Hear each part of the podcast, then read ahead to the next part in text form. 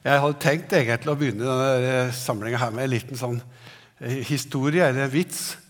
For jeg tenkte at det kommer jo ikke noe folk i dag. Og da skulle jeg finne på en eh, litt sånn å lette på stemninga litt. da, For når det ikke er noe folk, så blir vi litt nedstemte. Så tenkte jeg da må jeg fortelle en historie fra Hadeland om en bussjåfør. Og det, Der på Hadeland så var det slik at denne bussjåføren han var veldig sånn fåmælt. Han sa nesten ingenting. Så kjørte han fra Brandbo til Røykevik. Og så kom fram til Røykevik, så var det bare én som har vært med hele bussen. da. Det var ikke noe flere passasjerer. Men da klarte han å si følgende til den ene som var i bussen. I dag kunne vi ha gredd oss med motorsykkel. Det var hans kommentar. Og da tenkte jeg i dag kunne vi ha greid oss med Lillesalen, men faktisk så er det blitt så mange at uh, vi er godt å være her. Og en god sal å være i. Så tusen takk til alle som er kommet. Da skal vi reise oss, og så leser vi teksten fra Lukas evangelium, det sjette kapittel, fra vers 36 til 42. Vær barmhjertige slik deres far er barmhjertig. Døm ikke, så skal dere ikke bli dømt. Fordøm ikke, så skal dere ikke bli fordømt. Ettergi, så skal dere få ettergitt. Gi, så skal dere få. Et godt mål, sammenristet, stappet og breddfullt, skal dere få i fanget. For i det målet dere selv måler med, skal det også måles opp til dere. Han fortalte dem også en lignelse. Kan vel en blind lede en blind? Vil ikke begge falle i grøfta? En lærling står ikke over sin mester, men når han er utlært, blir han som sin mester. Hvorfor ser du flisen i din brors øyne? men bjelken i ditt eget øye legger du ikke merke til. Hvordan kan du si til din bror, Bror, la meg ta flisen ut av øyet ditt, når du ikke ser bjelken i ditt eget øye? Din hykler, ta først bjelken ut av ditt eget øye. Da vil du se klart nok til å ta flisen ut av øyet til din bror. Herre Jesus, vi takker deg for ditt hellige ord. Vi takker deg for at vi har det blant oss, og at vi skal få høre det. Og nå ber vi om at du må velsigne det, slik at vi får den nytte av det som du hadde tenkt. Amen.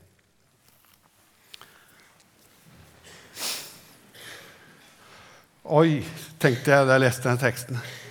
Her var det mye å hente. Igjen eviggyldige sannheter fra den levende bok. Å lese Bibelen, det er som å drikke fjellrent vann. Kildevann, også i dag, i den teksten vi har lest i lag. Er det ikke flott at vi har Guds ord iblant oss på denne måten? Hva sier teksten oss egentlig? Jo, det første som slår meg, det er at far er barmhjertig. Og Jeg har lyst til å stoppe litt nettopp ved det.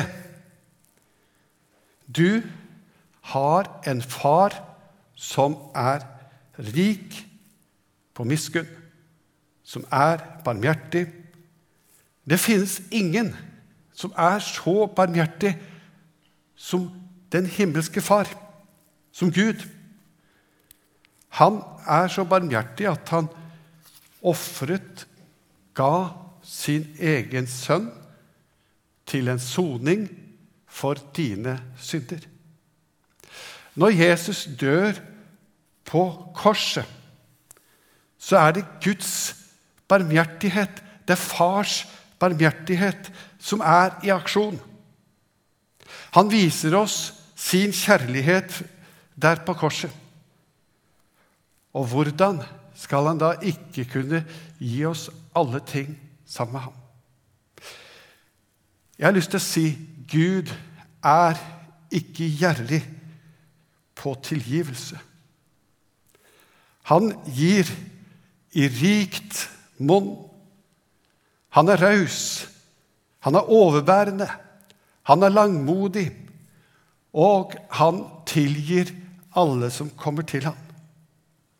Og jeg håper at her i denne gudstjenesten i dag er noen som kjenner på et behov og en lengsel etter å møte denne barmhjertige far, som har behov for å kjenne litt på hans varme. Det kan godt hende at du er kommet inn i en fortvilet situasjon. Det kan godt hende at det er kommet litt sånn uro i ditt indre, i ditt hjerte, på grunn av ting som du har gjort. Du har sagt. Du, kanskje også ting du burde ha gjort, som du ikke har gjort. Og så er den urolige samvittigheten der og minner deg om hvem du er, og hva du har gjort. Og så kjenner du litt på denne angsten på grunn at du har syndet imot Gud. Det første teksten sier, det er at vi har en barmhjertig far i himmelen. I dag er altså nådens dag. Jeg er så glad i å si det. Det er nådens tid. I dag, nå, er Gud å finne. Han er her nå, i dette lokalet, hos deg, gjennom ordet som forkynnes, gjennom det ordet du hører. Kanskje du da skulle be en stille bønn til Han mens du hører denne andakten i dag, kanskje. Og jeg syns det er så godt når jeg er i en sånn situasjon, og det hender ofte, det. Da kan jeg be slik som vi ber i kirken. Hellige Gud, himmelske Far, ber jeg. Se i nåde til meg, syndige menneske, som har krenket deg med tanker, ord og gjerninger, og kjenner lysten til det onde i mitt hjerte. For Jesu Kristi skyld, ha langmodighet med meg. Tilgi meg alle mine synder, og gi meg å frykte og elske deg alene. Det er en bekjennelse, en bønn, som er så sjelesørgerisk og bibelsk og rett og god å klynge seg til og den skal du få lov til å bruke selv også. Denne bønnen, den bringer vår fortvilelse, vår nød, vår, våre liv i kontakt med barmhjertigheten. Og der vår fortvilelse kommer i kontakt med barmhjertigheten, det er selve omfavnelsen ifra vår himmelske Far, der han legger begge armer omkring sitt barn. På samme måte som vi ser i Lukas 15 om den bortkomne sønn. Og Jeg har lyst til å vise dere et maleri som jeg har vist her før, og som jeg har talt til meg mange ganger. Og jeg har vist det, og jeg syns det kan ses igjen, for jeg blir ikke så lett ferdig med dette maleriet. Det er et maleri av Rembrandt. Det er malt i ca. 1665. Og det er et viktig kunstverk i den kristne tradisjonen. Og Jeg skulle gjerne hatt en kunstkjenner til å fortalt litt om dette maleriet. Fortalt hva han ser når han ser disse personene der. Fortalt litt om lyset i maleriet og gitt oss undervisning om dette. Og Jeg har lest noen som har tolket dette maleriet. Og noen peker på lyset. De peker på lyset i fars sitt ansikt. Andre peker på hendene til far. Hendene som er nådige og helbredende.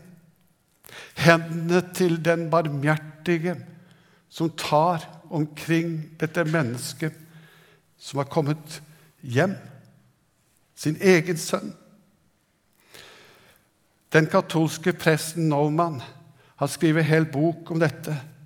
Og han legger veldig stor vekt på nettopp hendene. Han sier at hendene de er nådige, og så er de helbredende. Og når de får legges rundt den fortapte, så gir det tilgivelse. Og det får et nytt liv. Men det er også helbredende for en ny start. Jeg tror, og det ble mer og mer klart for meg, at Kirken, menigheten, forsamlingens oppgave er på en måte også å være noe av disse hendene som legges rundt den fortapte. Og Misjonssambandet driver et stort diakonalt arbeid, også her i Oslo ut fra denne menigheten. Men på Sagene tenker jeg spesielt der i kapellet på Sagene så er nettopp dette bildet satt opp til inspirasjon for de som arbeider der oppe. Diakoni er på en måte også disse hendene i funksjon. Og jeg tror at der hvor misjonen driver sitt arbeid, å få lov til å være som slike hender og bringe fortvilelsen i kontakt med barmhjertigheten, der kommer Gud Fader til med sin nåde. Skal vi se litt mer på den teksten vår som vi har uh, hatt lest i dag. Denne teksten det er sagt til Jesu lærlinger. Det er sletteprekenen. Vi har bergprekenen, og vi har sletteprekenen. Også, også, også her ser vi det som er sagt til hans lærlinger. Hva vil han lære oss, da, når vi er i lære hos Jesus? Jo, han vil lære oss barmhjertighet. Like som deres far er barmhjertig. Og den undervisningen han gir oss der, han sier litt om hva denne barmhjertigheten skal gå ut på. Og så kommer det først døm ikke. Døm ikke. Det er en av de store ting som en disippel skal læres opp i, og ikke dømme. Hva har du lært? ble det sagt til en gammel mann etter et langt liv i sammen med folk i fattigdom, i nød, i vanskelig liv. Og da sier han det er ikke så mye, kanskje, men forresten én ting du skal ikke dømme. Og da tenker jeg at kanskje det var på en måte en eksamen i denne lærlingens liv. At til slutt så skulle han få så mye erfaring med indre og med ytre fall i sitt eget liv at han skulle mykes opp på en slik måte at han trengte selv barmhjertighet og blei en av de som ikke så lett dømte. Fordøm ikke.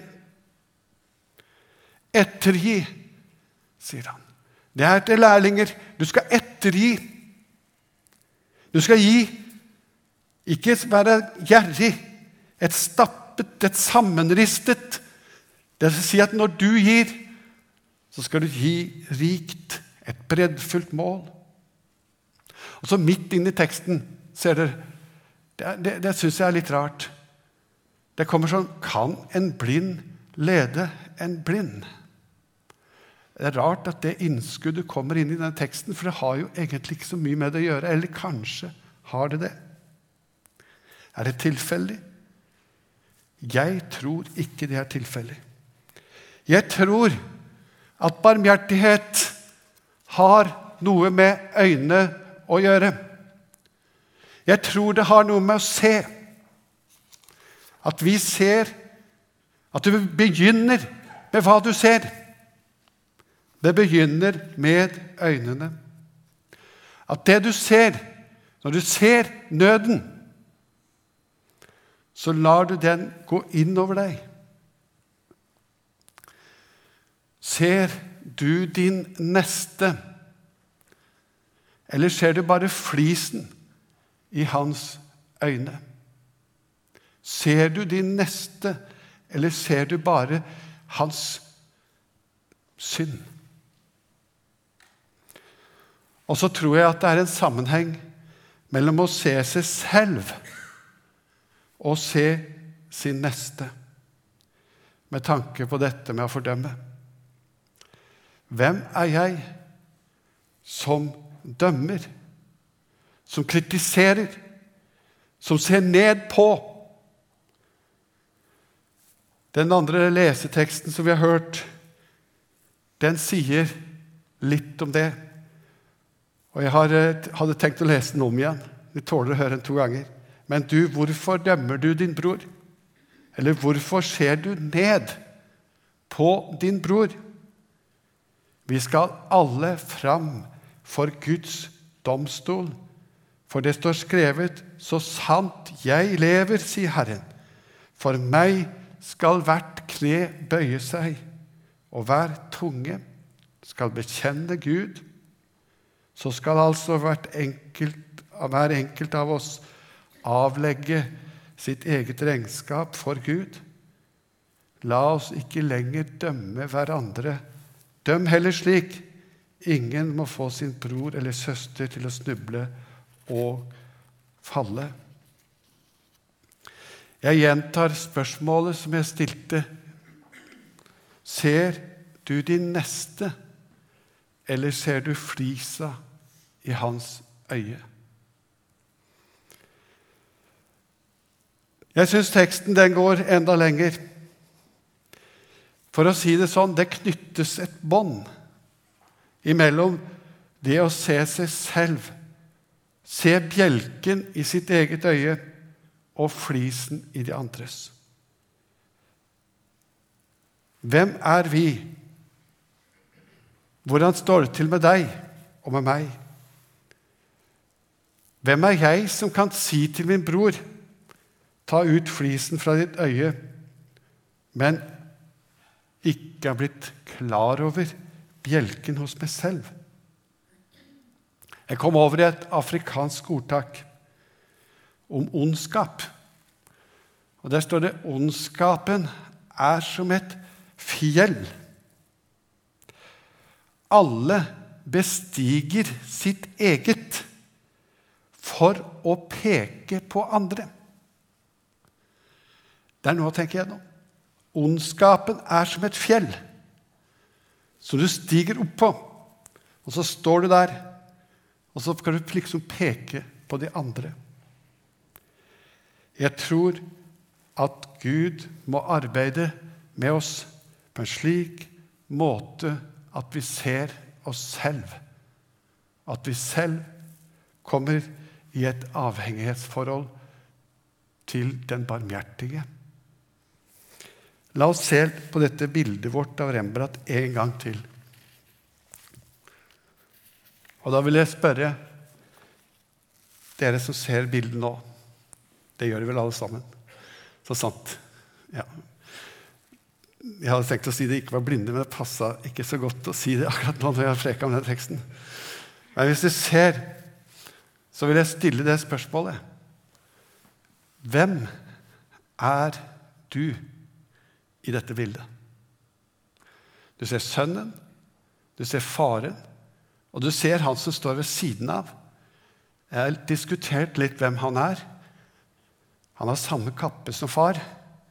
Han sitter der litt med lukkede hender. Og så ser du han som sitter ved siden av. Kanskje det er en dame, kanskje det er mor som sitter bak. jeg vet ikke. Men det er, veldig mye spekulasjoner.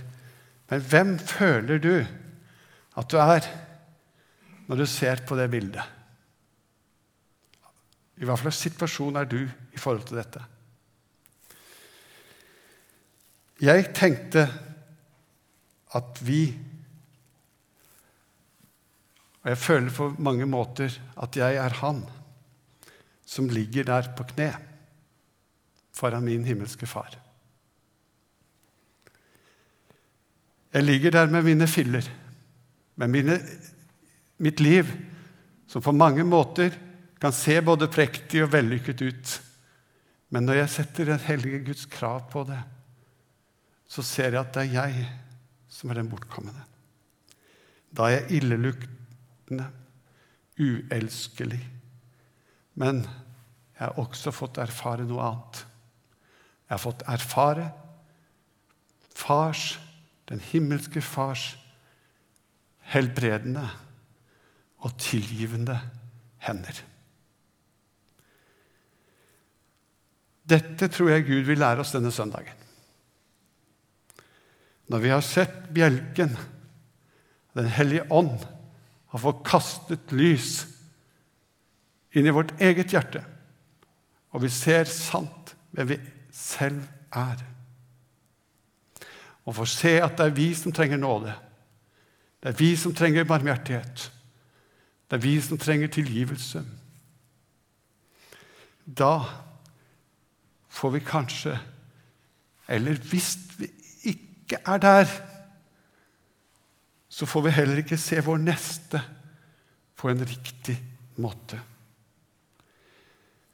Men hvis vi er der, så tror jeg at vi får også helbredet vårt syn, slik at vi får se vår neste, og ikke bare splinten, flisen, i vår nestes øyne. Og først når vi er kommet dit og fått erfare denne nåde og tilgivelse, men aller mest fars omsluttende barmhjertighet, så blir vi i stand til å hjelpe vår neste. Amen.